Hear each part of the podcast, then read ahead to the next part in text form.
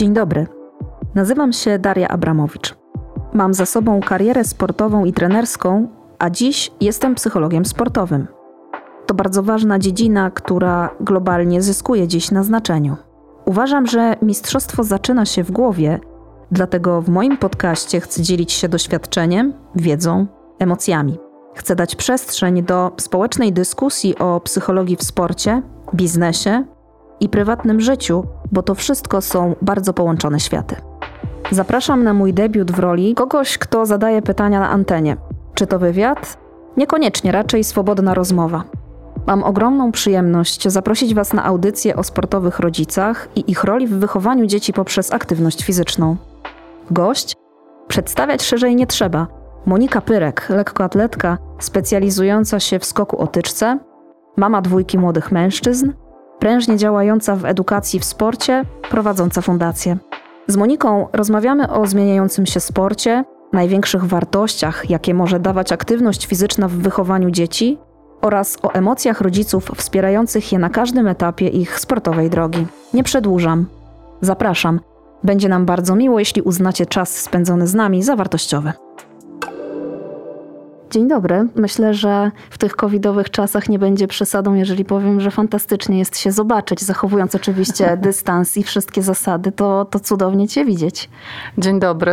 Y, rzeczywiście, no to jest coś szczególnego w tych czasach, że nie tylko przez komputer, nie tylko przez kamerkę, ale rzeczywiście mimo dystansu fajnie zobaczyć uśmiech kogoś. Dokładnie. Drodzy Państwo, Monika Pyrek, e, utytułowana polska lekkoatletka e, z ogromnym doświadczeniem E, prężnie działająca też w obszarze dzisiaj współcześnie non-profit, w obszarze edukacji społecznej, właśnie w kontekście rozwoju aktywności fizycznej dzieci i młodzieży, prywatnie mama dwóch młodych mężczyzn.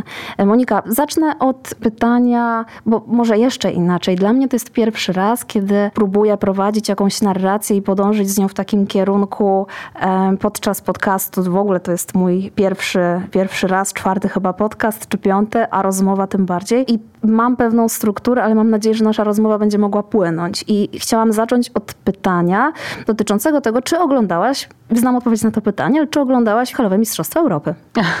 oczywiście. To jest taka oczywista oczywistość tak naprawdę dla mnie. Z tego względu oczywiście, że jestem byłą lekkoatletką, a tak naprawdę w dalszym ciągu określam się jako lekkoatletka, bo nie czuję się wcale, że tego już nie ma. W dalszym ciągu e, ta dyscyplina jest mi bardzo bliska mm, i też z tego względu, że właśnie działam w strukturach y, tej, tej dyscypliny. Chociażby Toruń jest mi bardzo bliski ze względu na to, że razem z Markiem Plawgo robiliśmy prezentację przed Radą Europy. Chyba nie przesadzę, jeśli powiem, że zdobyliście tę imprezę dla Torunia. Trochę tak, trochę się czuję, czujemy się zwycięzcami tego, tego całego show, e, bo rzeczywiście to było bardzo trudne zadanie. Stanąć przed Radą Europejskiego Stowarzyszenia, w ogóle przygotować się do tego i to w języku angielskim, mimo że oczywiście z Markiem mówimy płynnie, no to to jednak zawsze y, gdzieś z tyłu głowy zostaje, że to jednak jest twój drugi język, a nie ten podstawowy i zawsze się może zdarzyć y, jakieś zacięcie albo zapomnisz na przykład jakiegoś słowa, tak? Więc przygotowywaliśmy się z Markiem przynajmniej tak jak na, do Mistrzostw Świata. Rzeczywiście i online, a później jeszcze prawie cały dzień przed w hotelu ćwiczyliśmy prezentację. Myślę, bardzo fajną prezentację, bo taką opartą przede wszystkim na, na żartach, tak, związanych y, z piernikami też, także, no bo to uważam w ogóle, że, że maskotka y, mistrzostw była jedna, jedna z piękniejszych maskotek w ogóle na świecie, naprawdę, cudowne to było. Absolutnie. Także rzeczywiście czuję się przez to jeszcze bardziej związana z tymi mistrzostwami. Niestety nie byłam na miejscu. Miałam zaproszenie, ale ze względów różnych, logistycznych, tych czasów y, zdecydowaliśmy jednak, że dobrze będzie obejrzeć mistrzostwa przed telewizorem i tam kibicować hmm. naszym przede wszystkim. Jasne. Ja też oglądałam. Zdążyłam wrócić e, z długiego dosyć tenisowego turne i oglądałam, a zapytałam o to, bo chciałabym zapytać cię, czy oglądając tego typu imprezy dzisiaj z e, perspektywy osoby, która jest już po własnej karierze w roli zawodnika i dzisiaj masz pewnie dużo szersze też spojrzenie na sport niż wtedy, kiedy swoją karierę skończyłaś. Czy zauważyłaś, że coś się w tej lekkiej atletyce zmieniło? A jeśli tak, to co? Jakie są Twoim zdaniem największe zmiany? Ja myślę, że mm, to, że taka zmiana pokoleniowa jest bardzo płynna, to jest na pewno ogromny, ogromny plus dla tej dyscypliny. Bo mm, kiedyś nie było czegoś takiego, tak? Bo ja pamiętam, jak wchodziłam jako bardzo młoda zawodniczka mm, na zgrupowania chociażby do ośrodka w Spale, e, no to pamiętam, że jeszcze na przykład za moich czasów siedział tam Artur Partyka, tak? Także... No, jeśli mogę tylko powiedzieć, Artur Partyka, który był jednym z pionierów wprowadzania w ogóle oddziaływań psychologicznych w sporcie, szczególnie w lekkiej atletyce i w ogóle no, nowinek technologicznych.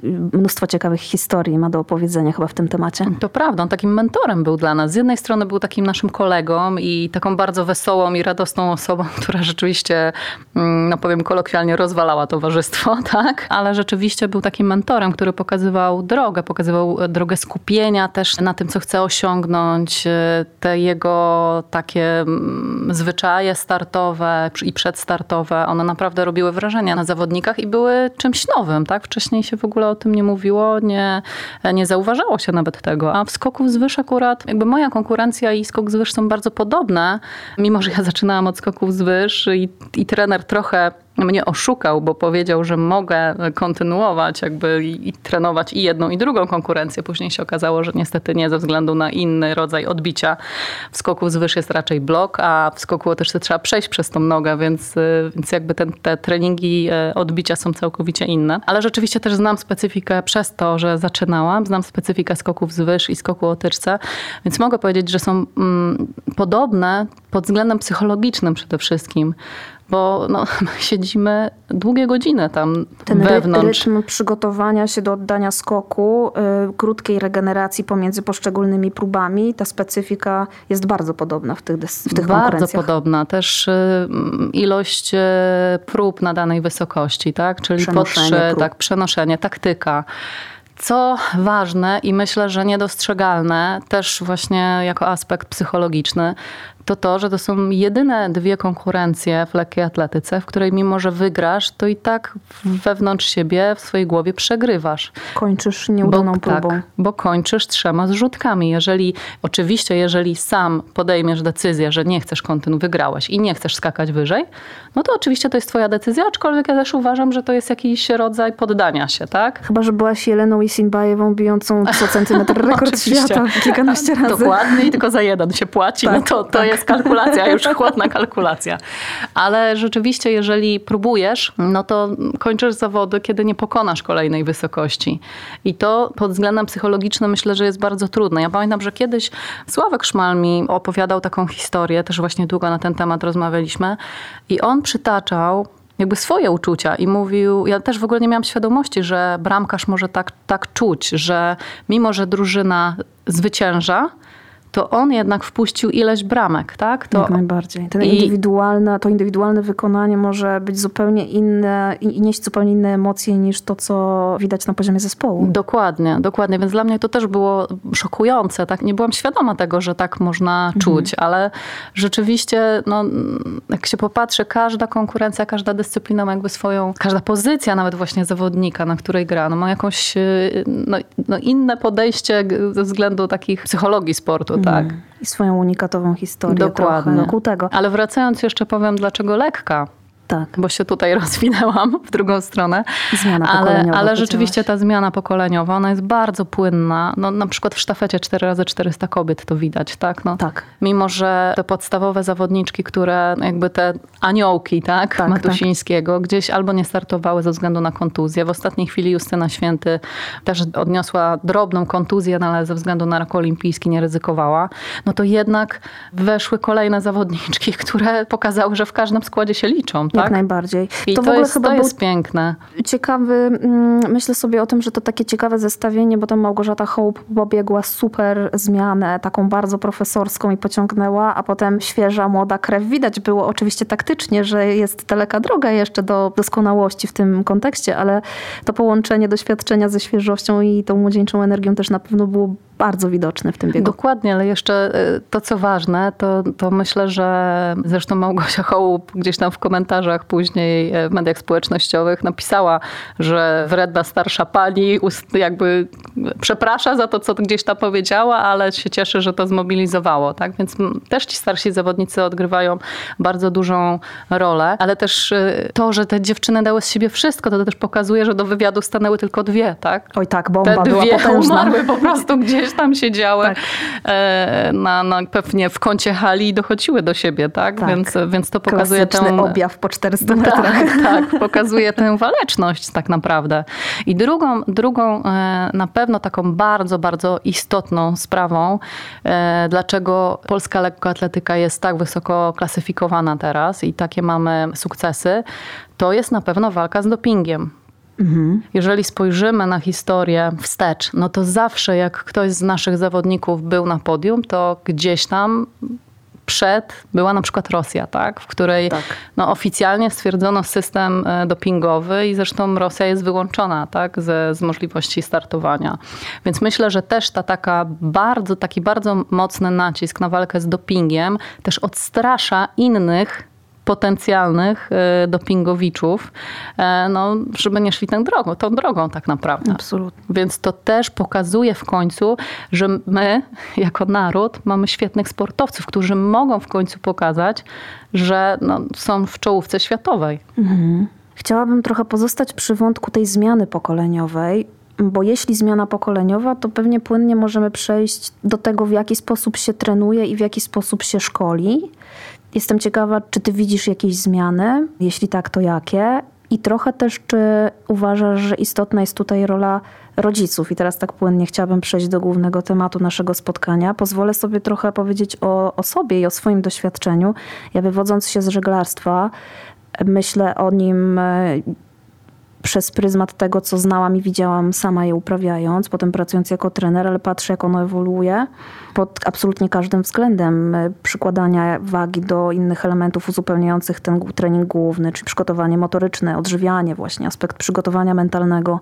Nawet patrząc szczególnie u kobiet na sylwetki żeglarek, e, jak to strong is the new skin i to po pierwsze w ogóle mnóstwo takich kontekstów zmian pokoleniowych i społecznych, ale myślę, że zmieniło się też i zmienia się nieustannie szkolenie, a co za tym idzie, zmienia się podejście do treningu, podejście do rozwoju w sporcie. Czy Twoim zdaniem to się zmienia? Jeśli tak, to w jaki sposób? Zdecydowanie się zmienia. Myślę, że wszystkie aspekty, które poruszyłaś, idą do przodu. Kiedyś, przynajmniej w lekkiej atletyce, bo oczywiście za nią się mogę e, wypowiadać, mm, w większości trenerami mm, byli mm, no już wysłużeni trenerzy, o tak E, to nazwa. I oni bazowali przede wszystkim na swoich doświadczeniach i na swojej wiedzy. Nie było chęci szkolenia się, kształcenia, dalej szukania takich nowinek, tak? chociażby nawet szukania pomocy w technologii.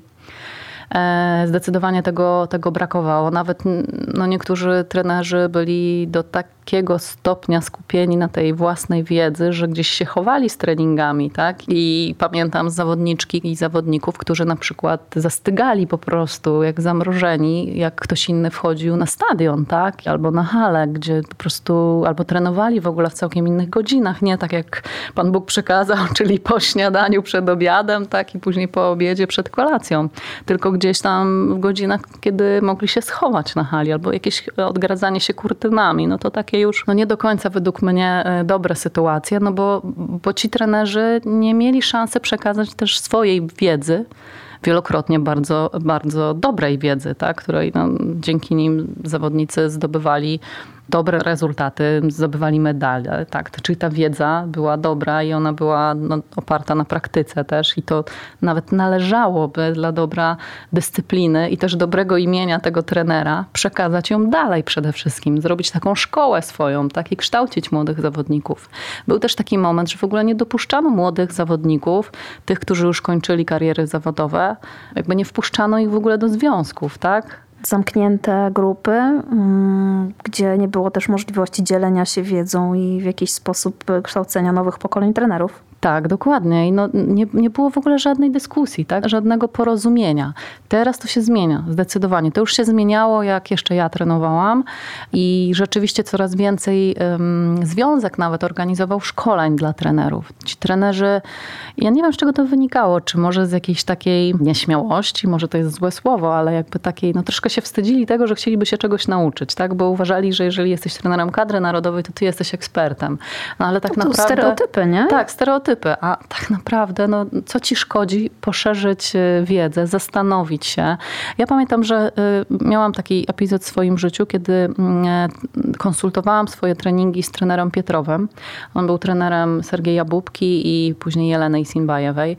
Ja pamiętam jego taką wszechstronną wiedzą. On zaczynał dzień od gazety sportowej, e, w której po prostu czytał o każdej dyscyplinie, o każdej.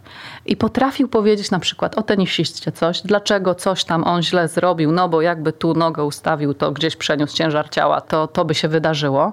Także to pokazuje, że jeżeli czerpiesz też z innych dyscyplin, to ty się stajesz genialnym trenerem tak naprawdę, tak? Bo możesz to przetestować na, na zawodniku, możesz zaproponować też zawodniczy czasem są krnąbrni, tak? I nie chcą próbować nowych rzeczy. to też jest rola trenera, żeby, żeby przekonać go do jakichś zmian.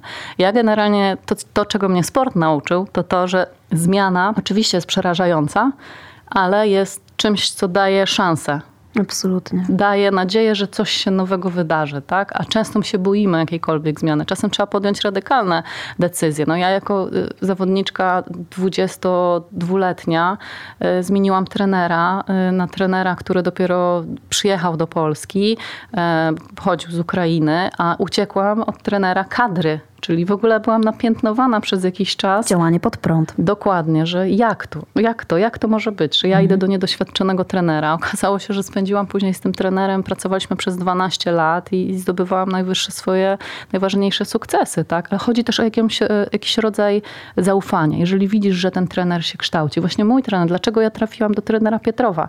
Ja myślę, że mało e, trenerów, niewielu trenerów w Polsce zdecydowałoby się na telefon do takiego trenera, do guru jakiegoś, jakiejś e, konkurencji, mhm. żeby poprosić o pomoc. A mój trener się zdecydował i to zrobiło na mnie ogromne wrażenie, że on chciał konsultować swój trening z tak wybitnym trenerem i też to dla niego na przyszłość, to jest jego wiedza, jego zdobywanie nowych doświadczeń, tak? To jest, on, on zbudował też poprzez to swoją wiedzę i swoją pozycję na świecie. Niesamowite są te opowieści. Myślę, że w ogóle o zmianach i ewolucji sportu mogłybyśmy długimi godzinami o różnych chyba dyscyplinach.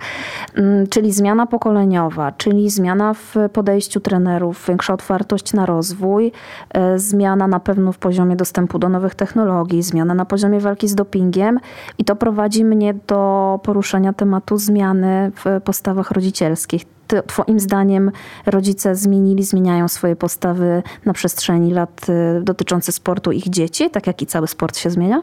Myślę, że tak. E, to też mogę od razu powiedzieć na swoim przykładzie. No, moi rodzice tak naprawdę byli nieobecni tak, w trakcie tej mojej przygody ze sportem. Jakby warunkiem było to, żebym nie zaniedbywała szkoły. Nie mieliśmy tradycji sportowych w rodzinie, więc moi rodzice nie do końca byli świadomi, jak ten, sport, ten świat sportu wygląda. Tak? Więc do momentu, kiedy widzieli moje uśmiechy na twarzy i zadowolenie i chęć e, chodzenia na treningi, no to jakby nie pytali, czy coś jest nie tak, tak? czy coś nie gra. A zdecydowanie teraz, w ogóle jeszcze dodam jako mm, i taką zabawną pewnie historię, z drugiej strony no troszkę smutną, że mój tata był pierwszy raz na moich zawodach e, w 2009 roku. Czyli no, mhm kilka lat później skończyłam trenować. Z uwagi Czyli miałam na 20, zawód, który wykonywał? Czy, ze względu czy na, na zawód, tak, bo był marynarzem, więc go po prostu nie było. Mhm. Mijaliśmy się często w domu. E, ale też on zawsze mówił, bo on był, e, dlaczego ja trafiłam do sportu? Bo on był świetnym kibicem sportowym i był takim że tak powiem, kulturalnym kibicem sportowym, nie takim, który tam... Takim empatycznym? Tak, empatycznym, który nie krzyczy z kanapy, ty co ty tam robisz, dlaczego ty tam kopnąłeś piłkę albo nie umiesz skakać, tak? Tylko taką osobą, która rozumiała emocje sportowe. To mnie, właściwie teraz, jak też o tym mówię, to mnie dziwi, skąd, skąd właściwie y, miał to coś w sobie.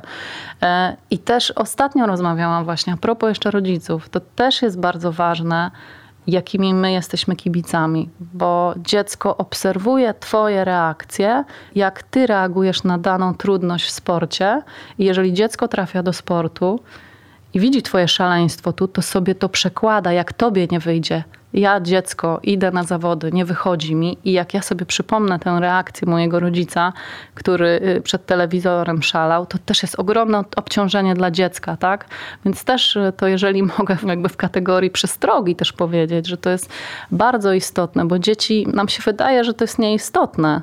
Ja też sobie dopiero właśnie słuchając y, rozmowy na ten temat uświadomiłam, że, że rzeczywiście te nasze wybuchy, czasem no, tak kibicujemy, że jesteśmy smutni po prostu. To też też dla takiego dziecka, małego sportowca może być e, szalenie istotne w jego podejściu do, do porażki na przykład. Tak jest, pełna zgoda. Czyli punkt pierwszy, jeżeli chodzi o postawy rodziców i o takie budowanie świadomości, mam nadzieję, że trochę dołożymy tym dzisiejszym odcinkiem do tego mm, cegiełkę.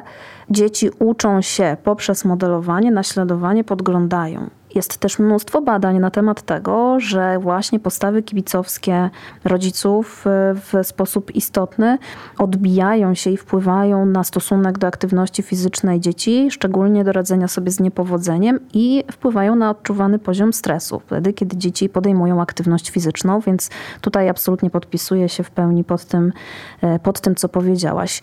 Skoro więc rodzic kibic, skoro więc ma swoje emocje i te emocje kibicowania wpływają na funkcjonowanie dziecka, to emocje w stosunku do sportu dziecka też na nie wpływają. Jakie są Twoje obserwacje? No ja powiem e, szczerze, że mm, ja jakby staram się być pośrodku, tak? Bo ja jestem z jednej strony byłem sportowcem, który, mm, który na pytania od dziennikarzy mm, pod tytułem, czy twoje dziecko będzie sportowcem, pierwsza myśl, która pojawia mi się w głowie, to jest brońcie Panie Boże. E, I to nie ze względu na to, że ten sport jest do bani, bo tak nie jest, tak? Bo ja jestem taka, jaka jestem dzięki temu, że uprawiałam sport, tak? Mnie on ukształtował jako człowieka. To, że ja tu siedzę i, i tak sobie swobodnie z tobą rozmawiam e, na różne tematy, no to pewnie jako dziecko szkolne ja się w ogóle nie zgłaszałam do odpowiedzi, tak? Ja siedziałam jak zahukana, nieśmiała dziewczynka, która oczywiście e, jakby ja mam, już teraz wiem, że mam umiejętność słuchania i jakby chłonięcia tej wiedzy i analizowania tego później, gdzieś tam e, przetrawiania wewnątrz siebie. Ale rzeczywiście ja nie byłam taka hej do przodu, tak? I, i to, że teraz sobie radzę w tym świecie, że tak powiem, normalnym po sporcie, no to też dzięki temu, że ten sport mnie ukształtował, nauczył mnie wielu umiejętności takich bardzo przydatnych. To się wydaje, że to są takie stricte sportowe rzeczy, które się tylko w sporcie przydadzą, ale one, jak wychodzisz ze sportu, to rzeczywiście to są bardzo cenne, cenna nauka, która daje ci przetrwać tak naprawdę w tym świecie, świecie zewnętrznym.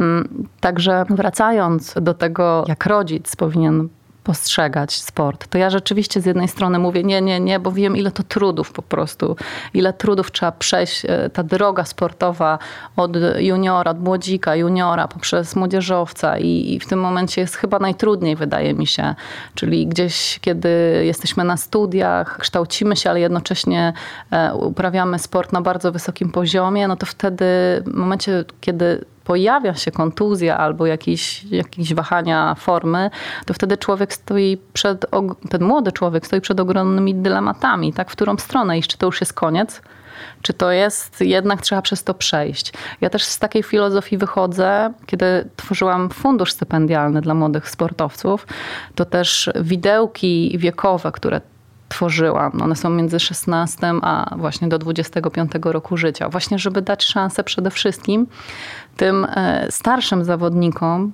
przejść ten moment, tak, tych sportu wahań. też juniorskiego do seniorskiego, do seniorskiego, ten moment, który jest jednym z największych wyzwań w ogóle, pod wieloma względami. U nas w Polsce myślę sobie o tym, że to jest taki matura i potencjalne myśli o studiach, e, wybór ścieżki życiowej, dojrzewanie oczywiście, prawdopodobnie pierwsze jakieś związki pojawiające Dokładnie, się w życiu młodego tak. człowieka czasem już rodzina, założenie tak. rodziny, no i wtedy ta odpowiedzialność za rodzinę, a ty jednak bawisz się w sport dalej, tak? Więc to też jest ogromne mhm. obciążenie dla człowieka. No ja też, to, to jest z takich śmiesznych historii, ja pamiętam jak zaczynałam e, skakać o tyczce i gdzieś tam podglądałyśmy e, starszych kolegów na treningu technicznym i oni mieli z 24 lata, a ja wtedy miałam może z 17 i pamiętam, mówię, tak sobie patrzyłam na nich, mówię, boże, oni, są starzy. Bliżej niż dalej. Tak, no mówię, przecież jak ja będę miała tyle lat, to już na pewno nie będę trenować. A później się okazało, że jeszcze parę ładnych lat dołożyłam do tego, to jaką ja musiałam być już staruchą, że tak powiem, mm -hmm. sportową. Ale też pamiętam, że powiedziałam sobie kiedyś, że że jeżeli na, w trakcie rozgrzewki albo gdzieś na starcie któraś z zawodniczek nam powie do mnie proszę pani, to, to oznacza, że to, to już czas. jest czas. To jest ten czas. I e, słuchaj, naprawdę się to wydarzyło. W ostatnim moim starcie halowym na Mistrzostwach e, Polski w Spale.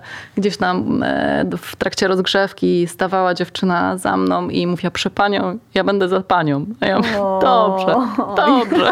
Mówię, okej. Okay. No. Już z pełną świadomością i godnością przyjęłaś. Dokładnie, tak? przyjęłam to, ale wiedziałam, że taki czas nastąpi, więc to też jest dobrze, żeby się przygotować e, na ten czas. Mhm. Także jeszcze wracając, bo dookoła wielu, wielu wątków, ale chciałabym się skupić na tych rodzicach. Więc ja oczywiście najpierw mówię, że e, nie, później mówię, że tak, bo ten sport tak wiele uczy, że chciałabym, żeby moje dziecko tego doświadczyło. A kolejną rzeczą jest to, czy ono będzie chciało pójść w sport profesjonalny, tak? Bo ja uważam, że sport jest dla wszystkich. Super ważne I sport, rozróżnienie. I sport tak naprawdę powinien być nieodłączną częścią naszego dnia. Nie życia nawet mówię, dnia, każdego mhm. dnia. Bo mm, to jest część tak naprawdę dbałości o nasze zdrowie, tak? E, jeżeli mówi się o tym, że teraz to takie jest słynne, że te 5 tysięcy kroków trzeba wykonać, to jest takie absolutne minimum, to właśnie to też jest sport. Może właśnie pokazywanie mhm. dzieciakom, że taka aktywność fizyczna jakakolwiek, to nie musi być od razu wysiłek fizyczny taki, który zwala cię z nóg, tak? tak? Bo też myślę, że to jest problem sportu zawodowego, sportu profesjonalnego, w którym nie mówi się, trochę za mało się mówi o radości. O pasji rozwijającej. Tak, o pasji, o tym, dlaczego oni to robią właściwie ci sportowcy. No przecież nie robią dlatego, żeby się e, po prostu zakatować tak, treningiem, mhm. tylko dlatego, że to im sprawia ogromną przyjemność. Ale łatwiej powiedzieć o tym, co jest Y, tak od razu ci się nasuwa to, co jest trudne, mhm. niż to, co ci rzeczywiście sprawia przyjemność. I rzeczywiście w tym sporcie zawodowym jest za dużo e, mowy o wyrzeczeniach, o tym, jaka jest presja, o tym, ile, co tam musieliśmy poświęcić tak naprawdę. I tak, ja jako zawodniczka, jako młoda dziewczyna, no nie wiem, nie byłam na studniówce swoim to jest poświęcenie, wyrzeczenie. Okej, okay, ale w tym czasie byłam na halowych mistrzostwach świata w Mayabashi. Hmm. Gdzie jako, to też dla mnie był awans społeczny, tak? Więc gdzie moich rodziców byłoby stać, żebym ja sobie do Japonii pojechała, tak? W wieku, nie wiem, 19 lat. No nie ma szans w ogóle, tak? Nie wiem, czy w ogóle życiowo byłoby. Więc jakby to mówienie o tym dookoła, o tym, co jest złe, trochę zaburza ten dobry obraz sportu, ten taki bardzo pozytywny przekaz. Więc ja się uparłam też w działaniach tych moich fundacyjnych, żeby mhm. pokazywać, że sport jest zabawą. Sport po prostu jest przyjemnością. Sport jest e, takim rodzajem od, odstresowania, tak, wyrzucenia tych wszystkich emocji nagromadzonych. No, dlaczego dzieciaki powinny mieć codziennie WF w szkole? No mhm. dlatego, żeby się wykrzyczały chociaż, żeby wybiegały się. Dlaczego jest tak głośno na, na przerwach?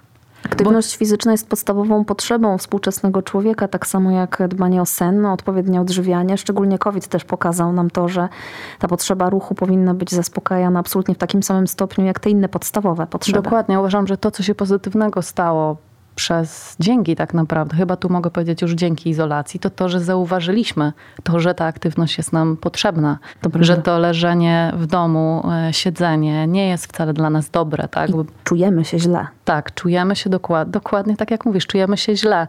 Nawet, no nie wiem, no, sport podnosi jakieś takie ogólne, nie mówię o ciśnieniu tętniczym, tak, ale takie ciśnienie no twoje, tak, energii, energię taką, tak, Oczywiście. dokładnie.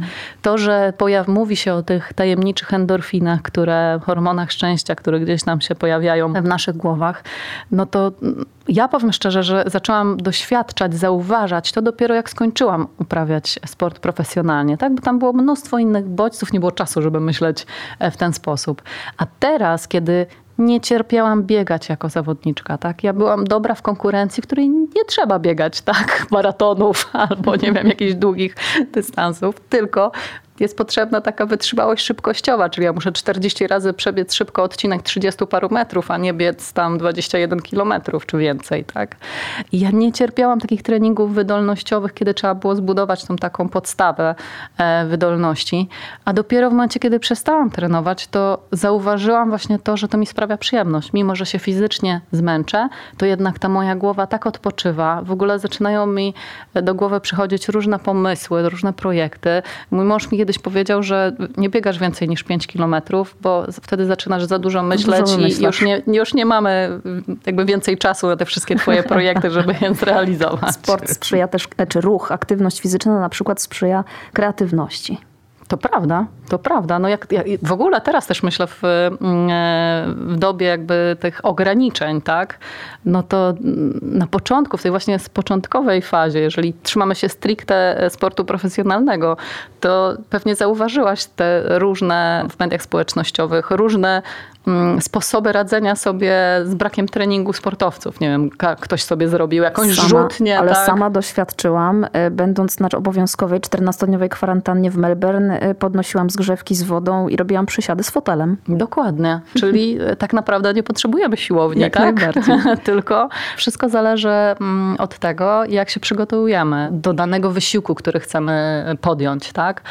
Ja też tworząc z kolei platformę taką sportową, edukacyjną, edukacyjną, e, gdzie mm, chcemy pokazać rodzicom, że właśnie można korzystać ze sportu właśnie przez zabawę, no też tworzymy różne gry i zabawy, tak, które pokazują, że możesz, e, mając rzeczy w domu, możesz stworzyć dla dziecka niesamowitą frajdę, niesamowitą przygodę, ale w dalszym ciągu e, kształtujesz w niego takie umiejętności stricte sportowe, ale też takie, które przydadzą się w normalnym świecie. Od razu przytoczę taki jakby przykład, który na mnie przynajmniej robi ogromne wrażenie. Na, na, na przykładzie Berka, tak? Jeżeli e, chcesz się dowiedzieć, jeżeli nie przekonuje cię to, że sport uczy jakiejś tam umiejętności, no to zobacz. Jeżeli weźmiesz Berka, tak? No to dziecko mm, przede wszystkim uczy się współpracować w drużynie, tak? No bo gdzieś tam jedna osoba cię goni, a ty musisz, tak, komunikacja. Do tego y, podejmowanie decyzji. Tak Szybkie. Jest. Działanie w kryzysie. Tak? Poznawcze, Dokładnie. Działanie w kryzysie. Tak. Ten ktoś już na ciebie biegnie na ciebie, a ty musisz podjąć decyzję szybko tu i teraz, żeby uciec. Tak? tak. Jeżeli odniesiesz porażkę, bo ci jesteś złapana, musisz teraz wymyśleć e, taką strategię, żeby e, uwolnić się od bycia berkiem. Tak? tak. Więc zobaczcie, no, to jest bardzo proste, kompleksowe. Tak prosty przykład, który pokazuje ci, jak twoje dziecko może się nauczyć radzenia e, w życiu zawodowym też. Oczywiście. Tak. Cudowny tak. wątek. Absolutnie, bo chciałabym przeczytać pewien cytat, e, a później odnieść się do tego, co widzę w świecie. Mhm. E, ułatwiając dzieciom oraz młodzieży dostęp do aktywności fizycznej, inspirujemy je do dołączenia do kultury ruchu, a tym samym wierzymy, iż w przyszłości staną się aktywnymi dorosłymi. To hasło znalazłam na stronie Twojej fundacji. Jest na przykład taki projekt w Kanadzie, cały program, ogólnonarodowy program, który nazywa się Long Term Athlete Development, akronim LTAD. Jest to e, projekt centralny, który tak jakby jego odnogi funkcjonują właściwie w każdej federacji sportowej. Projekt ten dzieli w ogóle aktywność w cyklu życia człowieka na kilka etapów. Pierwszym, tłumacząc swobodnie na język polski, jest zabawa w aktywność od narodzenia do szóstego roku życia dziecka. Później mamy sportowy fundament do około dziewiątego roku e, życia, nauka trenowania do 11-12, trenowanie u podstaw do 15 roku życia i później ta ścieżka tego programu dzieli się takie dwie, właściwie trzy odnogi. Pierwsza to jest doskonalenie ku sportowi profesjonalnemu. Potem mamy sport amatorski i na samym końcu mamy rekreację ruchową, która ma prowadzić e, i kształtować aktywne życie. Czyli Kanadyjczycy, krótko mówiąc, postanowili na pewnym etapie budowania swojego społeczeństwa podejść do sportu i do aktywności fizycznej bardzo przekrojowo a to, że zaczynają o tym myśleć już w momencie, w którym dziecko się rodzi, pokazuje ogromną rolę rodziców. To, o czym ty powiedziałaś, mm, pokazując nawet na przykładzie Berka, to jak kompleksowe mogą być formy ruchu, jak wiele uczyć, nie tylko w kontekście dążenia do wyczynu sportowego, to, jak opowiadasz o tym, że dzieci z aktywności fizycznej mogą czerpać, właściwie wszystko, o czym powiedziałyśmy przez ostatnich kilkanaście minut, prowadzi do takiego wniosku, że są osoby w życiu dziecka, w życiu młodego człowieka, które mają ogromny wpływ na to, w jaki sposób ono myśli o sobie, o swoim ruchu, być może kiedyś o swoim sporcie, bo nie każdy ruch, tak jak powiedziałyśmy, jest sportem, tym bardziej sportem wyczynowym. Oczywiście mówię tutaj o rodzicach, no i o trenerach, ale pewnie o trenerach i o szkoleniu mogłybyśmy kolejne godziny długo dyskutować. Rodzice. Kanadyjczycy w swoim programie pokazują drogi rodzicu od pierwszych chwil y, momentu, kiedy twoje dziecko pojawia się na tym świecie, możesz zrobić wiele, żeby wprowadzać je w ten świat aktywności jest to pomocne na wielu płaszczyznach. Jak ty to widzisz u nas w Polsce pod kątem i świadomości, i tego, w jaki sposób my postępujemy w tym kontekście? Ja myślę, że y, generalnie mamy coraz większą świadomość na temat tego, jak bardzo y, sport, a właściwie aktywność fizyczna jest nam potrzebna. Tak? No, nawet jeżeli rozejrzymy się wokół, no to już nie dziwi nas biegacz, który biegnie, nie wiem, rano, w nocy nawet, tak? Tylko po prostu biega, bo nie wiadomo, nie dziwicie, po co on biegnie, tak? Tylko wiesz, że on biegnie dla siebie, może ma jakiś cel wyznaczony, albo po prostu mm, sprawia mu to przyjemność, tak? Już się śmieję, już wiele razy mówiłam, to, że mężczyźni wiedzą, e, co to są leginsy, to już jest w ogóle dla mnie szczyt, szczyt świadomości Piękne. sportowej, tak? tak. E, ale rzeczywiście, rzeczywiście jest tak, że też chyba widać to po ilości propozycji i po ofercie tak naprawdę zajęć e, sportowych pozalekcyjnych. Tak? To znaczy, że, e, że skoro one są, to znaczy, że jest zapotrzebowanie na nie. Tak? Czyli rzeczywiście rodzice pokazują dzieciakom coraz więcej dyscyplin sportowych, aczkolwiek to, co chciałabym podkreślić, to bardzo ważne w tym wszystkim jest zaangażowanie rodzica. To nie jest tak, że zapiszesz swoje dziecko na pięć różnych y, jakichś tam zajęć sportowych w tygodniu i będziesz to traktował jako mm, po prostu miejsce, w którym twoje dziecko jest, a ty w tym czasie sobie możesz zrobić swoje rzeczy, tak? To nie na tym polega, bo to dziecko bardzo szybko wyczuje, że to jest taki zapychacz. Ona jest jakby ten, ten jego zajęcia sportowe są takim zapychaczem opieki, tak? E, nad nim, a ty i nie wiem, jedziesz na zakupy, tak? Czyli to... aktywność rodzica poniekąd w, w sporcie dziecka jest bardzo ważna. Taka aktywność w kontekście obecności. Obecności, tak. Świadomego uczestniczenia w tym sporcie. Zdecydowanie i to zwłaszcza w tej pierwszej fazie to uważam, że ona jest, e, e, powin, to, to powinien być rodzic obecny, mhm. powinien być zainteresowany żywo tym, co się dzieje, powinien sam być aktywny, bo no, tak naprawdę jak obserwujesz emocje swojego dziecka, no to dla mnie to jest zawsze zimny prysznic. Twoje dziecko jest odbiciem lustrzanym ciebie tak naprawdę. Tak jak ono się złości, to od razu musisz mieć pewność, że ty tak wyglądasz, jak ty się złościsz, tak?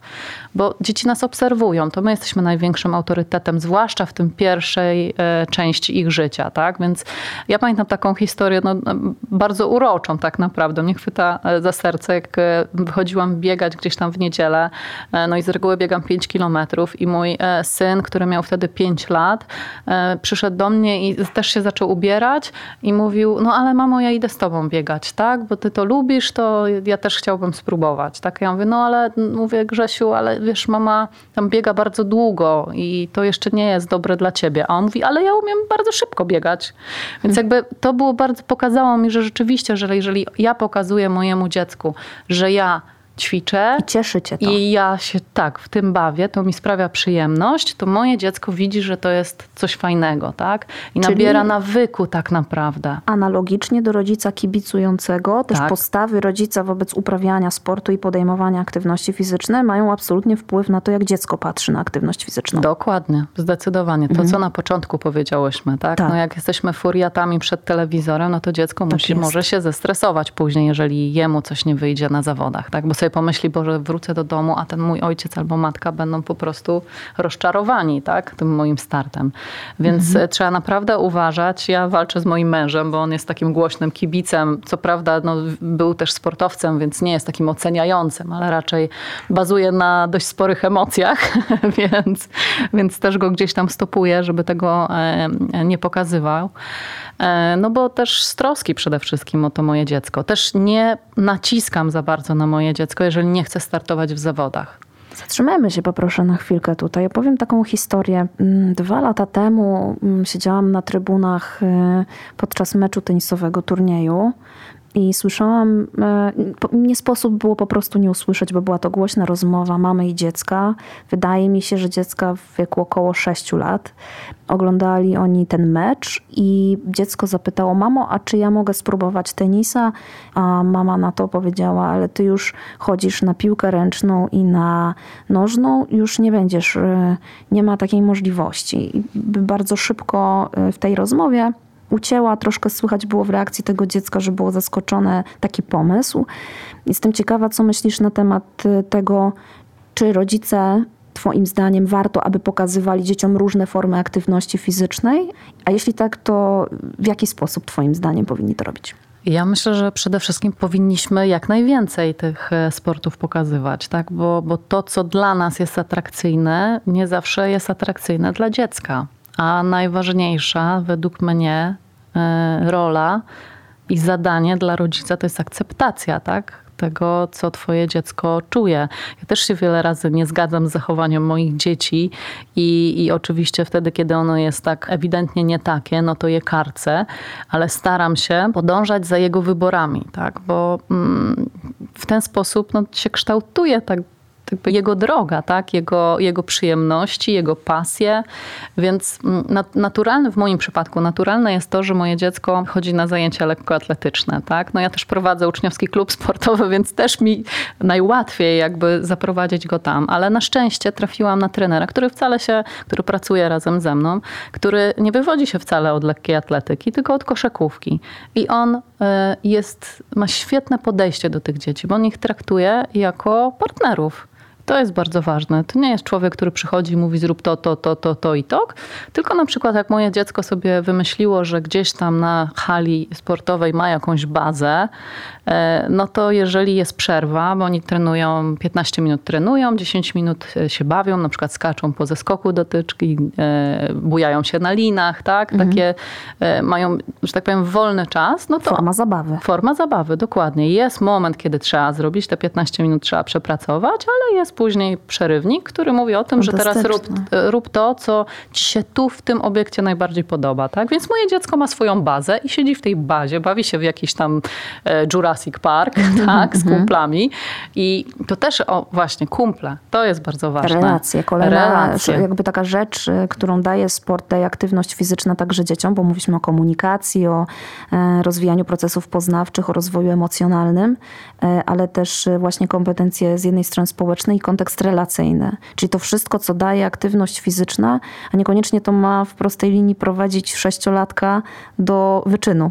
Dokładnie. To jest no, jakby rodzaj przede wszystkim spędzania fajnie wolnego czasu, ja myślę. Ja nazywam to wychowaniem poprzez sport na tym etapie, nie uprawianiem sportu. Dokładnie i to jest, to jest bardzo dobre zdanie, bo uprawia się sport wtedy, kiedy już podejmujesz E, decyzję, że to jest e, jakby kierunek zawodowy, jakby według mnie. Tak? A kiedy, Monika, twoim zdaniem taki moment nadchodzi? To jest trudne pytanie. Także dla rodzica? Dla rodzica również. Ja jak patrząc po sobie, to to, co wcześniej powiedziałam o tym, obserwując tych moich kolegów, którzy mieli już te dwadzieścia parę lat, a ja twierdziłam, że już w tym czasie nie będę trenować, no to to też pokazuje, jak dziecko patrzy jak nastolatek patrzy na to wszystko.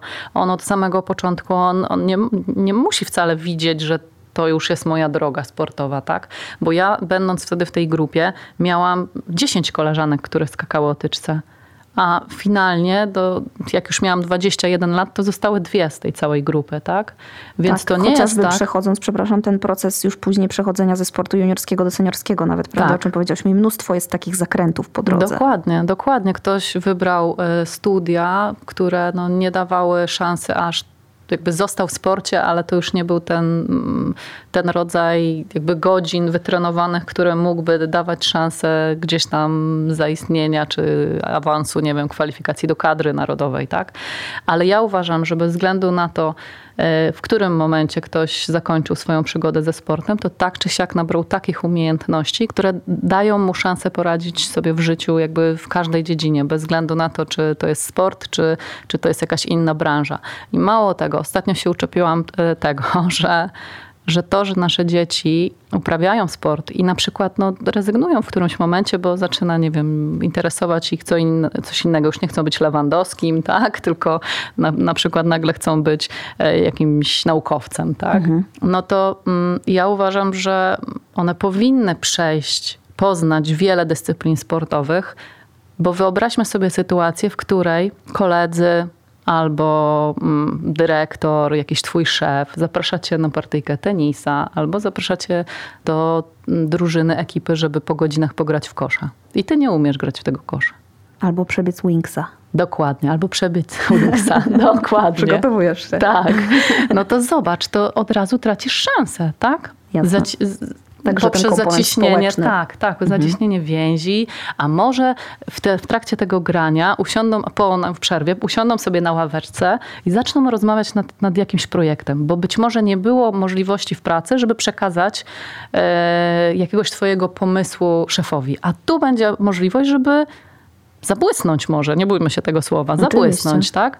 Więc to też jest, ten sport pokazuje te umiejętności, które zdobywamy, gdzieś tam mogą się e, przydać na każdym e, etapie życia. Więc ja uważam, że im więcej sportów pokazujemy dzieciakom, Przede wszystkim to jest jakieś budowanie wiedzy, budowanie sprawności, tak? budowanie, jakby mm, pozyskiwanie tych umiejętności, ale też dziecko ma szansę znaleźć to, co go interesuje, to, co mu się najbardziej e, podoba. I też uważam, że to, co mówiłam o tej akceptacji, no, najgorszym chyba jest wyjściem, jeżeli ty e, jesteś jakby fanem jakiejś dyscypliny sportu, albo ty jesteś niezrealizowanym byłym sportowcem, tak? I próbujesz wcisnąć na siłę i przełożyć te swoje ambicje sportowe niezrealizowane na swoje dziecko. Myślę, że to jest y, no, najgorsze, co, co, co możemy zrobić. Jeszcze wracając do tego, kiedy zaczyna się ten sport zawodowy. W moim przypadku zaczął się jakby moje myślenie dopiero zaczęło się po pierwszym medalu Mistrzostw Świata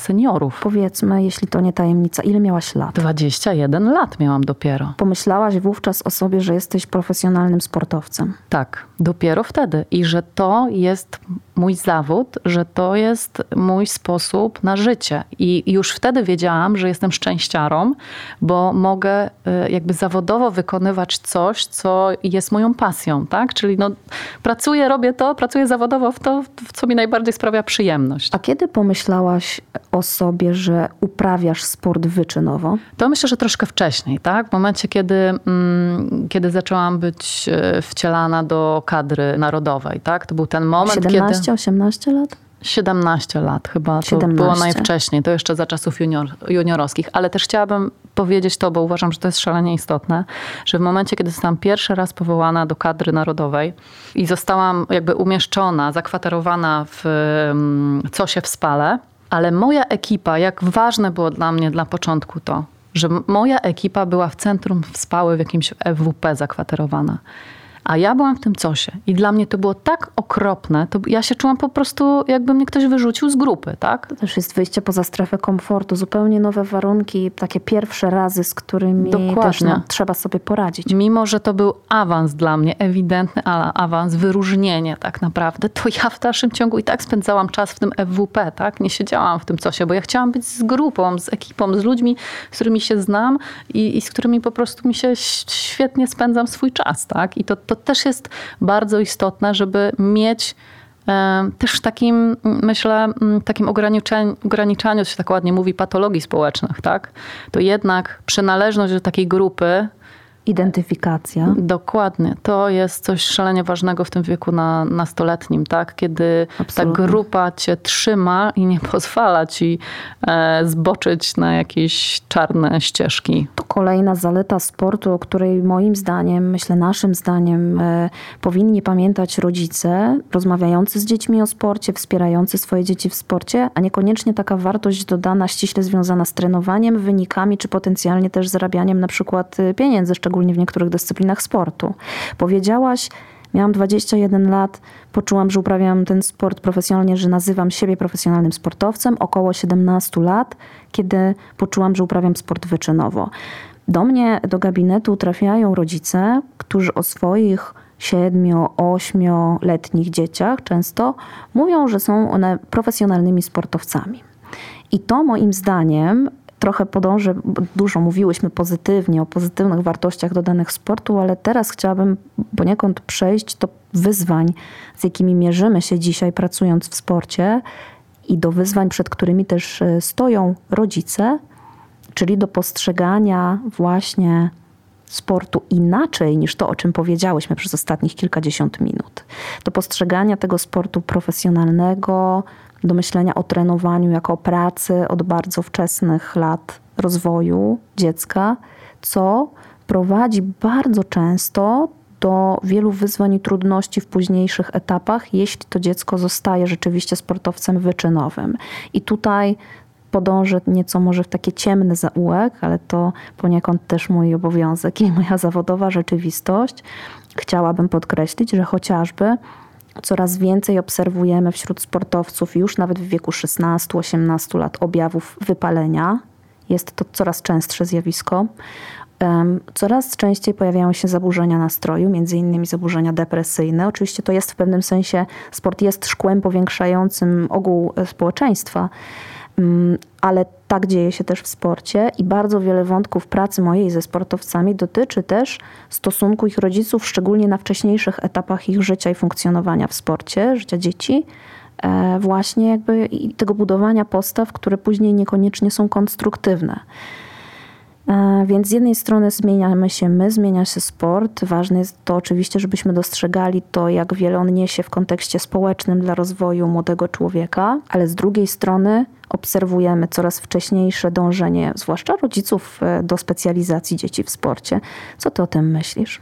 Bardzo dużo teraz się mówi na temat e, późnej specjalizacji, tak naprawdę. Sport, tak jak chyba wynika z tego, e, z tych moich wyliczeń, tak, z moich odczuć, no, do wieku nastoletniego, tej szkoły średniej, powinien być zabawą, tak naprawdę. Oczywiście wyłączymy z tego dyscypliny takie jakby wczesnorozwojowe, tak, czyli pewnie gimnastykę, łyżwiarstwo pewnie, gdzie rzeczywiście te sukcesy przychodzą zdecydowanie szybciej niż, nie wiem, w lekkiej atletyce czy nawet w tenisie, tak? Jakby te kariery trwają bardzo długo i też rodzic musi, jeżeli rzeczywiście widzi potencjał swojego dziecka, a nie jest to jego chcieństwo, tylko widzi e, potencjał e, dziecka, to żeby mieć to na uwadze, tak? Że że to twoje dziecko w tym rygorze takim treningowym będzie przez następne 20 lat, tak, albo i więcej.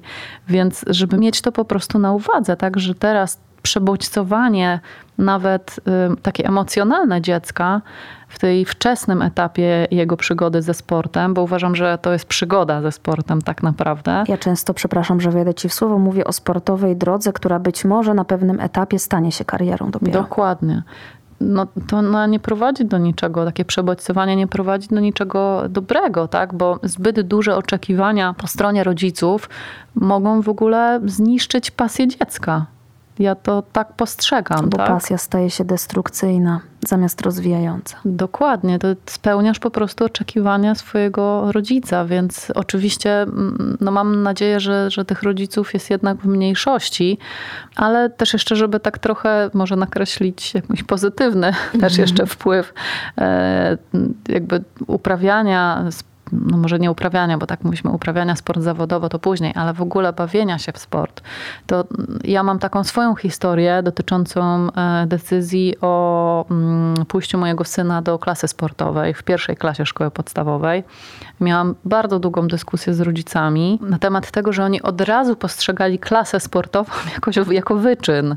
Mhm. I to też nie tędy droga, tak? Bo ja na przykład no, nie widzę, no, mam nadzieję, że mój syn kiedyś mi to wybaczy, ale nie widzę wielkiego potencjału w moim dziecku takiego sportowego. Tak? Mówi się, że talent się kształtuje do dziewiątego roku życia. kosmos. Tak, uwielbia kosmos, chce być naukowcem, Lego. tak? I Lego. Ale ja mu, zobacz, ja mu za każdym razem mówię, nawet jak ma wątpliwości, nie chce mu się iść na trening, ale z reguły dzieje się to dlatego, że nie ma, na przykład się mnie pyta, a czy będzie Igor, a czy będzie Julek, e, bo chodzi mu po prostu o kolegów, tak? To zawsze mu mówi, ale zobacz, żeby być naukowcem, to musisz mieć bardzo sprawny umysł. Musisz się potrafić koncentrować bardzo mocno, musisz mieć dotleniony ten umysł, a sport właśnie ci to daje, tak? Więc ta kondycja taka ogólna, e, fizyczna będzie też bardzo dobrze działać na to, że będziesz zapamiętywał ileś rzeczy, tak? Będziesz potrafił się skoncentrować ale też pamiętam właśnie to zaskoczenie tych rodziców, tak? Bo tak jak wspomniałam, moje dziecko no, nie ma jeszcze takiego ewidentnego talentu sportowego. Może nigdy go nie będzie miało, nie wiem tego.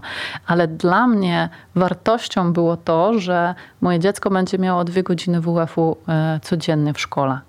Absolutnie. I wiedziałam, że y, od przejścia przedszkolnego, takiego siedzenia na dywanie, takiej swobody, do przejścia y, do siedzenia w ławce przez 45 minut albo tam i później ileś razy w ciągu dnia, to takie dwie godziny będą dla niego uwolnieniem, tak? Tych emocji, e, więc no i właśnie, przepraszam, ale szansą na rozwój tych wszystkich umiejętności i kompetencji, o których powiedziałyśmy dokładnie, wcześniej. Dokładnie, dokładnie. A czy ono tak się zakocha w tym sporcie, że na przykład w czwartej klasie, kiedy jest kolejny nabór do klasy sportowej, kiedy ono, jakby to jest długa droga do momentu, kiedy ono będzie miało szansę podjąć decyzję, czy ono chce iść dalej do tej klasy sportowej. Mhm. I wtedy ja już daje wolną rękę, tak? No bo albo będzie chciał iść w ten kosmos i dinozaury i tak. bycie naukowcem, albo może jednak ten talent sportowy się objawi i będzie chciał w drugą stronę iść. Ale powiem szczerze, że jakby ja e,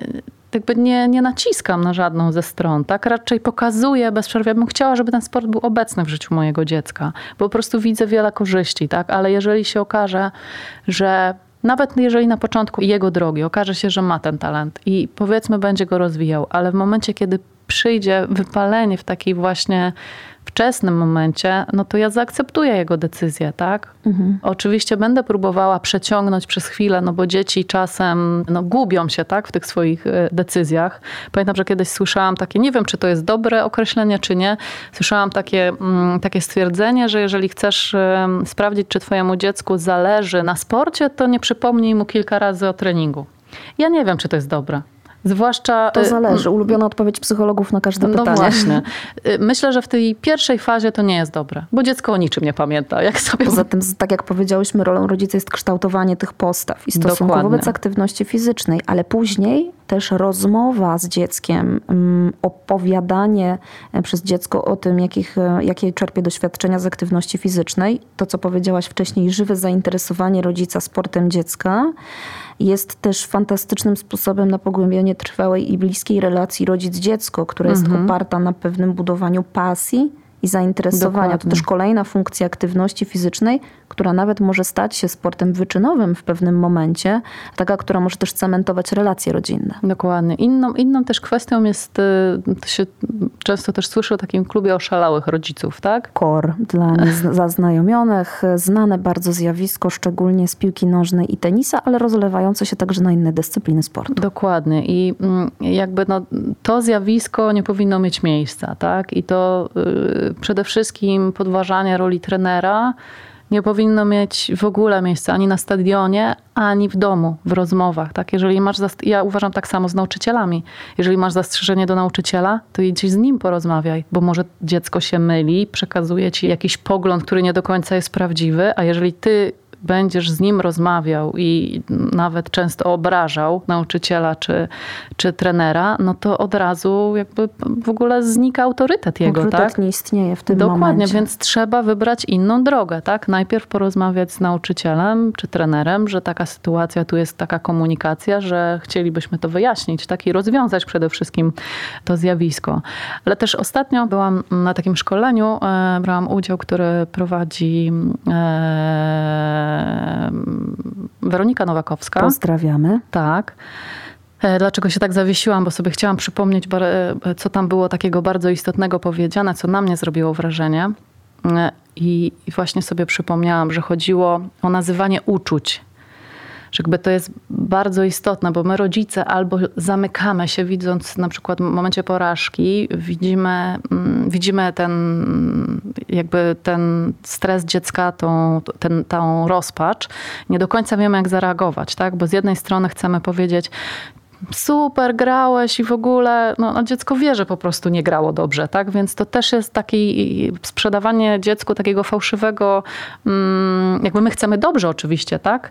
Ale taki obraz, że no, my wierzymy, wierzymy w to dziecko bez względu na wszystko, okej, okay, i tak jest, ale też musimy nazwać to uczucie, które on no, jakby zawładnęło nim w tym czasie, Słuchaj. tak?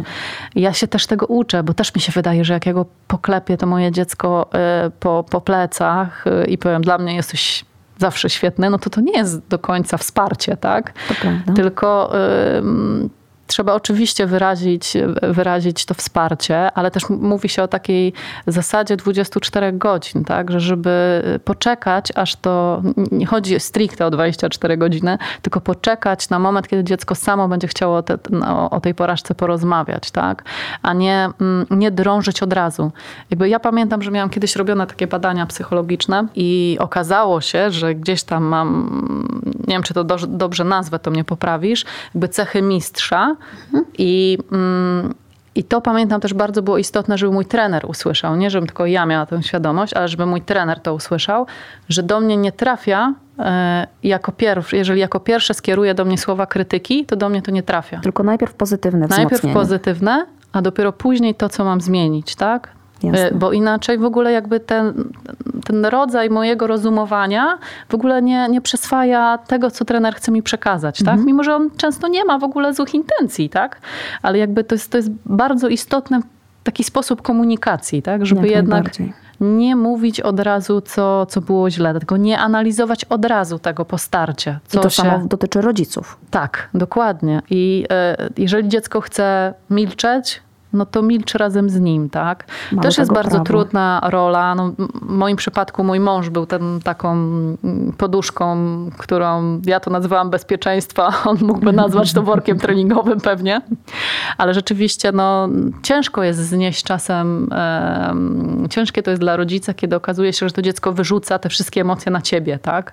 Mhm. Ale z drugiej strony to ty musisz być ty musisz mieć tę świadomość, że nim targają olbrzymie emocje. Ja kiedyś brałam udział w takim programie, który miał za zadanie udowodnić e, badania jakichś tam e, amerykańskich badaczy, bo oni wszyscy robią badania takie ekstremalne zwłaszcza, że oni postawili taką tezę, że stres przedstartowy jest porównywalny ze stresem w momencie zagrożenia życia. Zgadza się, bardzo często tak jest. Tak. I ja mogę powiedzieć, jak usłyszałam to, to rzeczywiście tak jest. Jakby my nie widzimy perspektywy, stając na starcie, u nas nie ma perspektywy kolejnych zawodów. Tylko to jest tu i teraz. To jest albo mi wyjdzie tu i teraz, albo to jest koniec świata. I e, rzeczywiście tak jest. I jeżeli rodzic uświadomi sobie ten poziom, rodzic, który nigdy nie był w sporcie, oczywiście mówimy o takich, tak? Jeżeli uświadomi sobie poziom stresu u dziecka, no to łatwiej mu będzie przyjąć te takie... Trochę szerszą wy, perspektywę. Tak, wyrzuty emocji dziecka, ale z drugiej strony ja uważam, że to dobrze, że to dziecko wyrzuca te emocje. No wtedy to oznacza, że rodzic jest taką bezpieczną przystanią, dokładnie. dziecko czuje to znaczy, się komfortowo jest, w relacji. Tak, jest relacja, dokładnie i myślę, że na tym najbardziej nam zależy, żeby mieć e, jak najdłużej taką relację i to dobrą mhm. relację z dzieckiem, a jeżeli, nie wiem, powiemy, dziecko mówi, że zawaliłem, a ty mówisz, a co ty, daj, daj spokój, nie zawaliłeś, jesteś dobry, czy coś, no to w ogóle nie ma, nie ma dyskusji. My chcemy dobrze, ale, e, ale jakby też podcinamy mu skrzydła mówiąc daj spokój, tak? No bo jednak wydaje mi się, że trzeba po prostu zaakceptować to, co on mówi, bo on to czuje tu i teraz. To jest jego perspektywa. Dokładnie.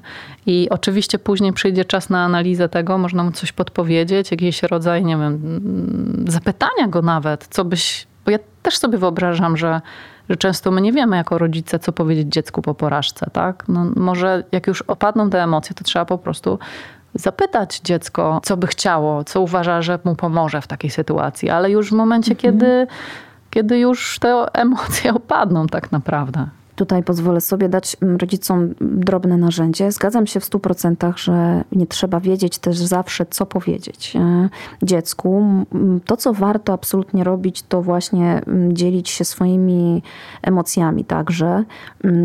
I rodzic ma pełne prawo powiedzieć do dziecka, wiesz, nie wiem jak to jest e, czuć się tak jak ty teraz, przegrać e, na przykład jakiś wyścig, czy masz poczucie, że przegrałeś jakieś ważne dla ciebie zawody, ale na przykład mi zdarzyło się kiedyś ponieść porażkę w tym i w tym i w tym. I na przykład możemy przytoczyć wówczas jakieś nasze doświadczenie z obszaru zawodowego czy, czy edukacyjnego. Dziecko po pierwsze widzi, że rodzic też człowiek i mimo tego, że nie jest sportowcem, czy być może nie rozumie do końca tego świata, to stara się zrozumieć emocje dziecka. Mhm. Kiedy rodzic nazywa własne emocje, pokazuje, że jest bardzo ludzki, co też sprzyja pogłębieniu relacji mm, Dokładnie. z dzieckiem i daje szansę właśnie pogłębienia chociażby tego poczucia, że rodzic może być tą bezpieczną bazą dla dziecka.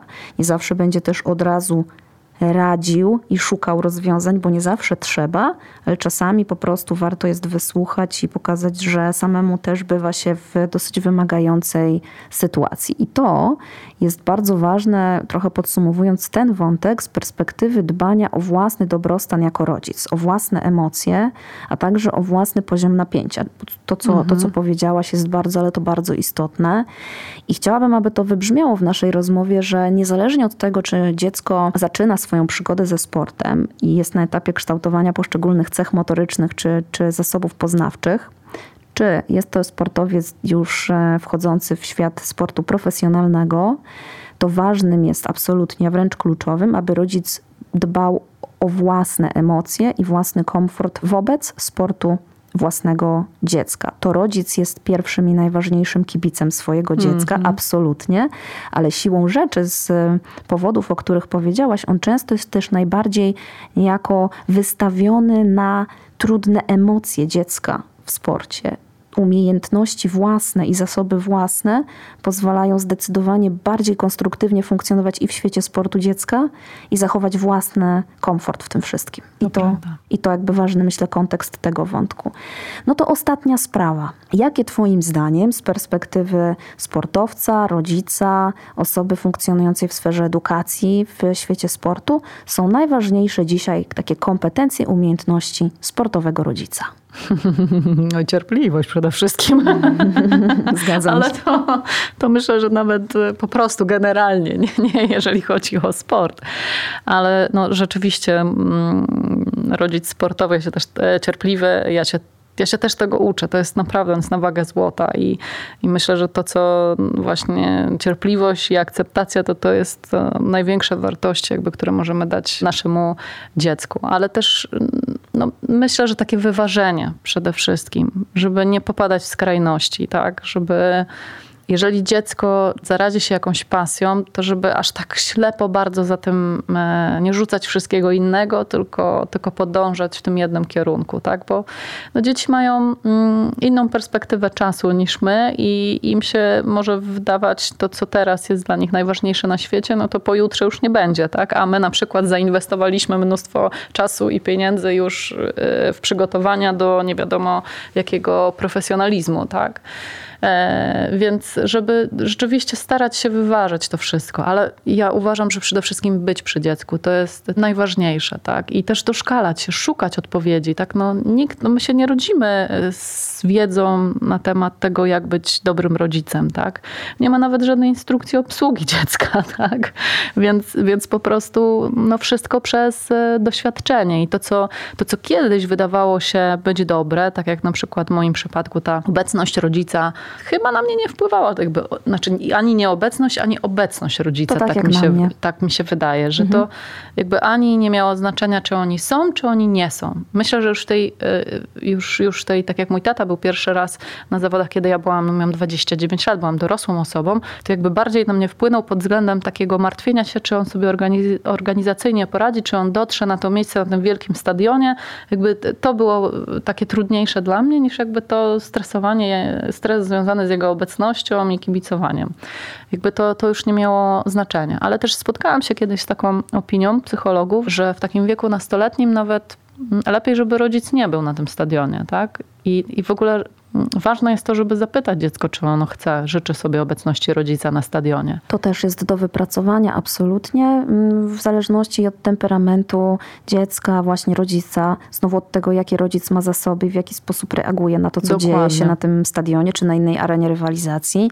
Jest to bardzo, myślę, indywidualna y, współcześnie kwestia na którą absolutnie warto zwracać uwagę. Oczywiście ja sobie nie wyobrażam sytuacji, kiedy moje dziecko mówi, że ja nie mogę być na zawodach, tak? Bo ja od razu, moja wyobraźnia mnie podnosi i od razu sobie myślę, że gdzieś za krzakami będę wypatrywać, bo no trudno mi jest sobie wyobrazić, żeby nie widzieć jego startu, tak? Nie kibicować mu, ale no chyba najtrudniejsze będzie dla mnie to, jeżeli on powie, że on sobie tego nie życzy, tak? No to trzeba będzie to wziąć, tak, wziąć na klatę i pójść do domu, tak? Jasne. I poczekać, aż będzie chciało mi o tym opowiedzieć. Ale też wracając właśnie do, to, to już oczywiście mówimy o takim powiedzmy półsporcie e, zawodowym, tak? Ale wracając w ogóle jeszcze do tych relacji, to my teraz biegniemy po prostu za szybko ten świat e, ucieka, tak? Sportowy też. Też. I myślę, że w ogóle e, bycie z dziećmi jest trudne teraz, tak? No bo pracujemy zdecydowanie za długo. Często pracujemy, nawet jak wychodzimy z pracy, to nie wychodzimy z pracy, tylko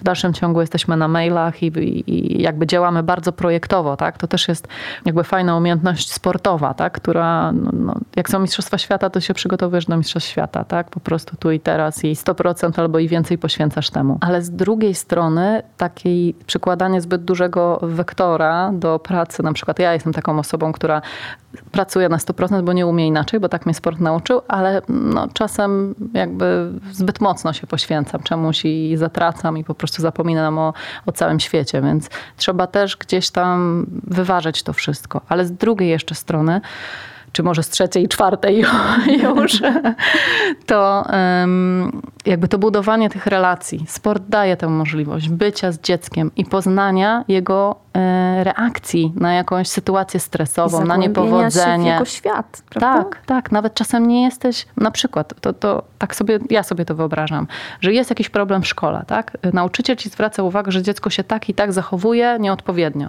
Ty tego w ogóle nie widzisz w domu ale wyjdź z nim na podwórko, zagraj z nim, ale nie tak, że dasz mu wygrać. Tylko naprawdę zagraj w nim jakąś grę albo y, podejmijcie jakieś wyzwanie i zobaczysz wtedy, jakie emocje nim targają. I może wyjdzie coś, co cię bardzo zaskoczy, ale jeżeli tego nie zrobisz, nie będziesz miał szansy poznać tych emocji, tak? I zareagować odpowiednio. Więc jakby też wspólne bawienie się w sport, to buduje po prostu relację, taką bliskość, moim zdaniem. I ja się tego trzymam. Absolutnie. Niech to będzie klamra. Myślę, że poza wszystkim i całą specyfiką współczesnego świata, także świata sportu i tym dążeniem do mistrzostwa, które przyświeca często także rodzicom, warto, abyśmy pamiętali absolutnie na każdym etapie tej sportowej drogi dziecka, czy to dziecka małego, czy już dorosłego dziecka, o tym, że sport y, może uczyć życia, że wychowanie poprzez sport może być wspaniałym źródłem nabywania różnych kompetencji społecznych, w przyszłości także zawodowych i wreszcie doskonałą szansą na to, żeby budować trwałą i bliską relację rodzic-dziecko, która oparta jest to o bliskość i zaufanie. Dokładnie. Zgadzam się w stu procentach. Bardzo Ci dziękuję. Myślę, że mogłybyśmy długie godziny rozmawiać. Mam nadzieję, że, co? Tak, że, że, mój debiut w tej formie wypadł w miarę przyzwoicie. Um, Bardzo dobrze. Bardzo mnie ekscytuje to, kiedy ta rozmowa już pojawi się w przestrzeni. Mam nadzieję, że będzie wartością dodaną dla wielu osób. Bardzo Ci dziękuję za Twoje spojrzenie, tak przekrojowe, dojrzałe i, i świadome. Bardzo dziękuję. Wszystkiego dobrego, dużo zdrowia. Dziękuję wzajemnie. Dziękuję za Twoją uwagę. Zasubskrybuj mój podcast i oceń jego treść. Znajdziesz mnie na każdej platformie podcastowej i na każdym kanale social mediowym.